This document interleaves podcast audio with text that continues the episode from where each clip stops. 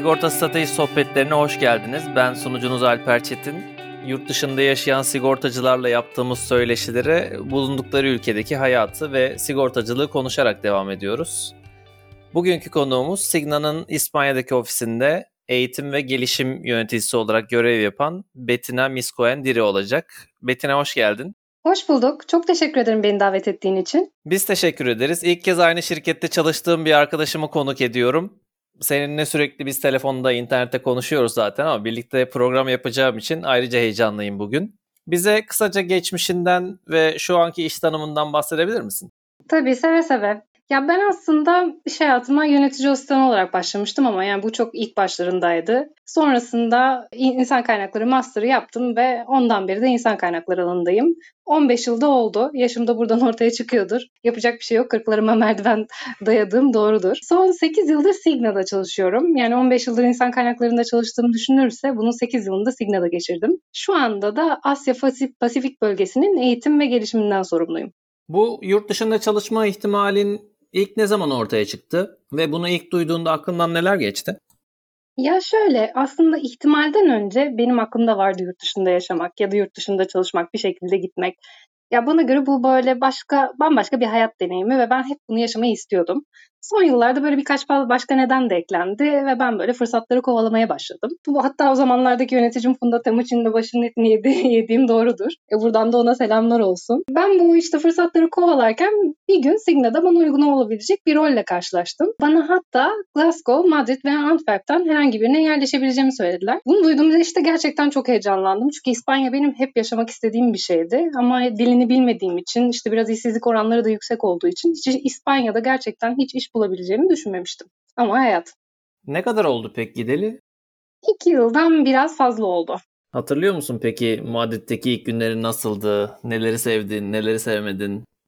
Hatırlıyorum, çok iyi hatırlıyorum. Benim kızımın üçüncü yaş doğum gününden bir gün sonra yerleştik bahar ayıydı. Yani Madrid'de böyle baharda o kadar güzel olur ki böyle çiçekler açar, ağaçlar falan böyle. Biz bayıldık yani şehrin mimarisine, düzenine aşık olduk desem yeridir. İlk bakışta böyle her şey çok güzel geldi. Hala da seviyoruz ama olumsuz taraflarında artık farkındayız. Yani ne bileyim işte yüksek işsizlik, politikalarındaki belirsizlik falan bunlar olumsuz yanları ama hiçbir ülkede mükemmel değil. Evet her yurt dışına yerleşme sırasında benzer sıkıntılar oluyor ilk etapta adaptasyon anlamında. Peki taşınma ve yerleşme sırasında herhangi bir zorluk yaşadınız mı? Yerleşme sırasında da, öncesinde de, sonrasında da zorluk yaşadık. Yani hiçbir şey kolay olmadı aslında. Burada mesela bürokratik işlemler Levent Kırca skeçinden hallice.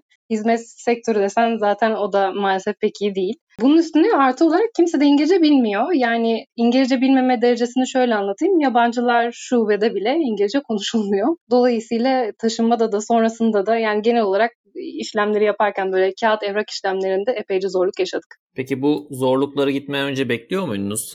Hayatın nasıl değişeceği, nasıl gelişeceği ile ilgili bir takım hazırlıklar yapmış mıydınız?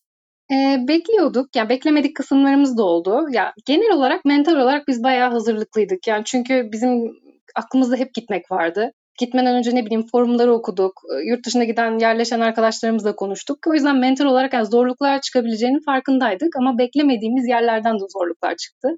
Yine de bunu yeni, yeni bir yere yerleşmiş olmanın heyecanıyla açtık. Bu kadar zamandan sonra o zaman alışmışsınızdır artık diye düşünüyorum ve biraz da iş yaşamın hakkında konuşmak istiyorum. Signa'nın başka bir ofisine geçmek adaptasyon anlamında senin için biraz işleri kolaylaştırmıştır diye düşünüyorum. İlk gittiğinde nasıl karşıladılar seni? Yani yabancı biri gibi mi yoksa gerçekten onların bir parçası gibi miydin? Ya şöyle, şimdi aslında gelmeden önce başladı iletişimimiz. Hmm, bana hani çok güzel mesajlar attılar. İşte geldiğinde işte birlikte güzel zamanlar geçireceğiz, seni yalnız bırakmayacağız falan gibi çok güzel mesajlar aldım. Ama ofise geldiğimde yani kimse benimle ne bir yemeğe gitmek istedi ne bir kahveye çağırdı. Ben de şaşırdım dedim bu kadar güzel mesaj atan insanlar neden hani benimle bir kahve içmiyorlar diye. Sonradan anladım ki mesela İspanya'da e, kibarlıktan söylenirmiş bunlar. E, hatta senin hayır işte yok benim müsait değil mesela diyelim ki seni birisi kahveye çağırdı işte kahve içelim mi dedi. E, yok hayır şu an işim var gibi bir bahane uydurman gerekirmiş. Onlar eğer ikinci kere sorarlarsa gerçekten seninle kahve içmek istiyorlarmış. Aksi takdirde bu kibarlıktan söyleniyormuş. Yani dolayısıyla aslında beklediğim kadar sıcak karşılanmadım. Yine de yani kısa zamanda arkadaş edindim. Çünkü yani ofiste birçok insan var ve insanlarla tanışmak, kaynaşmak için aslında birçok başka fırsat bulabiliyorsun. Bu Hong Kong'a geldiğimde benim de karşılaştığım durumlardan bir tanesiydi. Bizim Türkiye'deki alışkanlık öğle yemeklerine sevdiğin arkadaşınla ya da ekibinle beraber çıkmaktır. Buraya geldiğimde aynı aynı yalnızlığı ben de çekmiştim. Seni çok iyi anlıyorum. Peki ofisteki daha çok ekibin nasıl? İspanyollar mı ağırlıkta yoksa yabancılar mı ağırlıkta?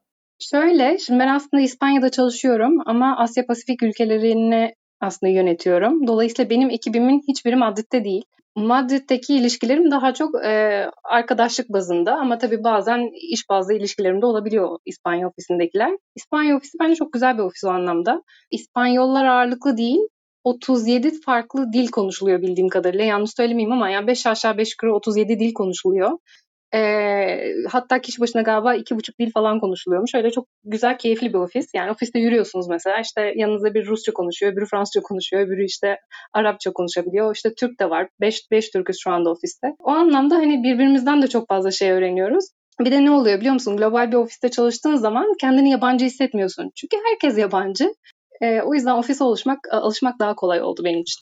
Yani aynı anda herkes aslında hem yabancılık çekiyor hem de yabancılık çekmiyor diyebiliriz herkes yabancı olduğu için. Kesinlikle çok güzel özetledin. Peki bugüne kadar ki kendi çalışma alışkanlıklarına bakarsan İspanya'da bunlardan çok farklı şeylerle karşılaştın mı? Çok çok farklı değil ama bana göre İspanya'da iş hayat dengesi Türkiye'ye göre daha yüksek. Ee, mesela cuma günleri yarım gün, işte yaz kış fark etmeden cuma günleri yarım gün oluyor. Mesela bu İspanya ile ilgili benim sevdiğim şeylerden bir tanesi iş hayatına dair. Hayatı yaşamaya vaktiniz kalıyor çünkü. E, ve benim gördüğüm iş tempoları da hani Türkiye'ye göre daha aşağıda, daha e, az. Tabii bu kesinlikle bana göre. E, çünkü bir İspanyola sorduğunuzda işinin çok stresli olduğunu söyleyecektir size ve çok yoğun olduğunu söyleyecektir. Ama benim alışkanlıklarıma göre gerçekten tempoları çok daha hafif. E, benim tabii şansım mı şanssızlığım bilmiyorum. Ben İspanya'da durup Asya ile çalışıyorum. Asya'nın temposu çok yüksek. Bir yandan da İspanyolların bu yavaş tempolarını görüyorsunuz. Böyle değişik bir his oluyor. Peki insan kaynaklarında çalıştığın için sorayım. Eğitim ve gelişim alanında çalışıyorsun. Türkiye'deyken bizde bu yoktu dediğin göze çarpan yenilikler oldu mu? Ya hayır. Yani Türkiye'de de insan kaynaklarında güzel uygulamalar var. Hani bence hani burada gördüm işte Türkiye'de yoktu diyeceğim bir şey yok. Hatta şöyle söyleyeyim yani e, sadece İspanya için söylemeyeceğim bunu. Asya ülkeleri, işte Amerika ile de bağlantım var. Yani çok farklı hiçbir uygulama e, yok. Dünya artık çok global. Herkes birbirinden bu uygulamaları alıyor. Yani bu sadece firmaya kalıyor yani bunları uygulamak ya da uygulamamak. E, benim Signa özelinde hani gördüğüm ve hoşuma giden uygulamalar var ama dediğim gibi bu tamamen şirkete özel bir durum.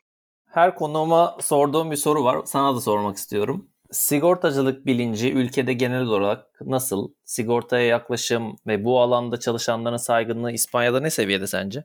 Sigorta bilinci Türkiye'ye kıyasla bence bir adım daha yukarıda ama hala da yolu var. Yani hala da insanların bu konuda daha bilinçli olması gerek. Saygınlık açısındansa saygın bir meslek. Bence burada yapılabilir güzel meslekler arasında. Peki bulunduğun ortamdaki şirketteki eğitim ve gelişmişlik seviyesi Türkiye'ye kıyasla ne durumda? Kendi adına ya da oraya yerleşmeyi düşünenler adına özellikle değinmek istediğin noktalar neler olur?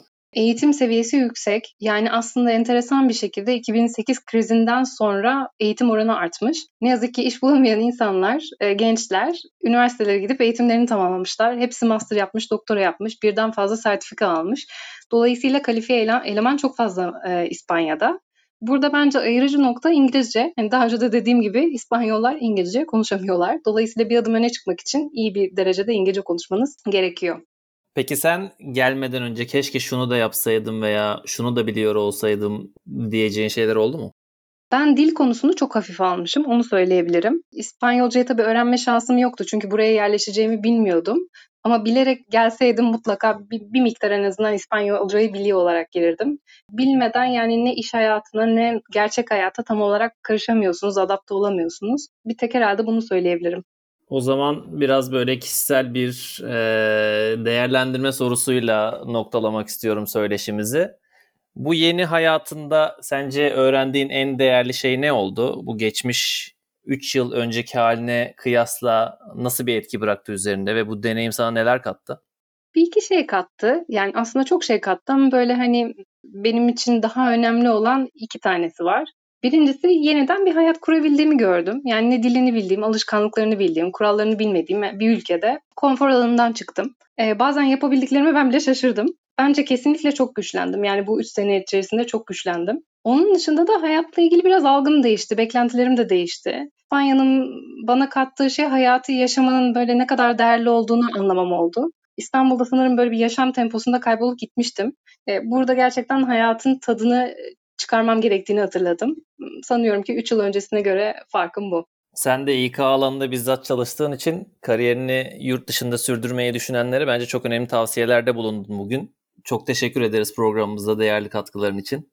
Rica ederim. Çok keyifliydi. Sağ ol. Bugün sigorta strateji sohbetlerinde Betina Miskoendire ile Madrid'deki yaşamını ve sigortacılık alanındaki deneyimlerini konuştuk. Bize başka sorularınız olursa LinkedIn'de yorumlar bölümünden ya da direkt mesajla iletebilirseniz ilerleyen günlerde onları da cevaplamaya çalışacağız. Önümüzdeki yayınlarda tekrar görüşmek üzere. Hoşçakalın.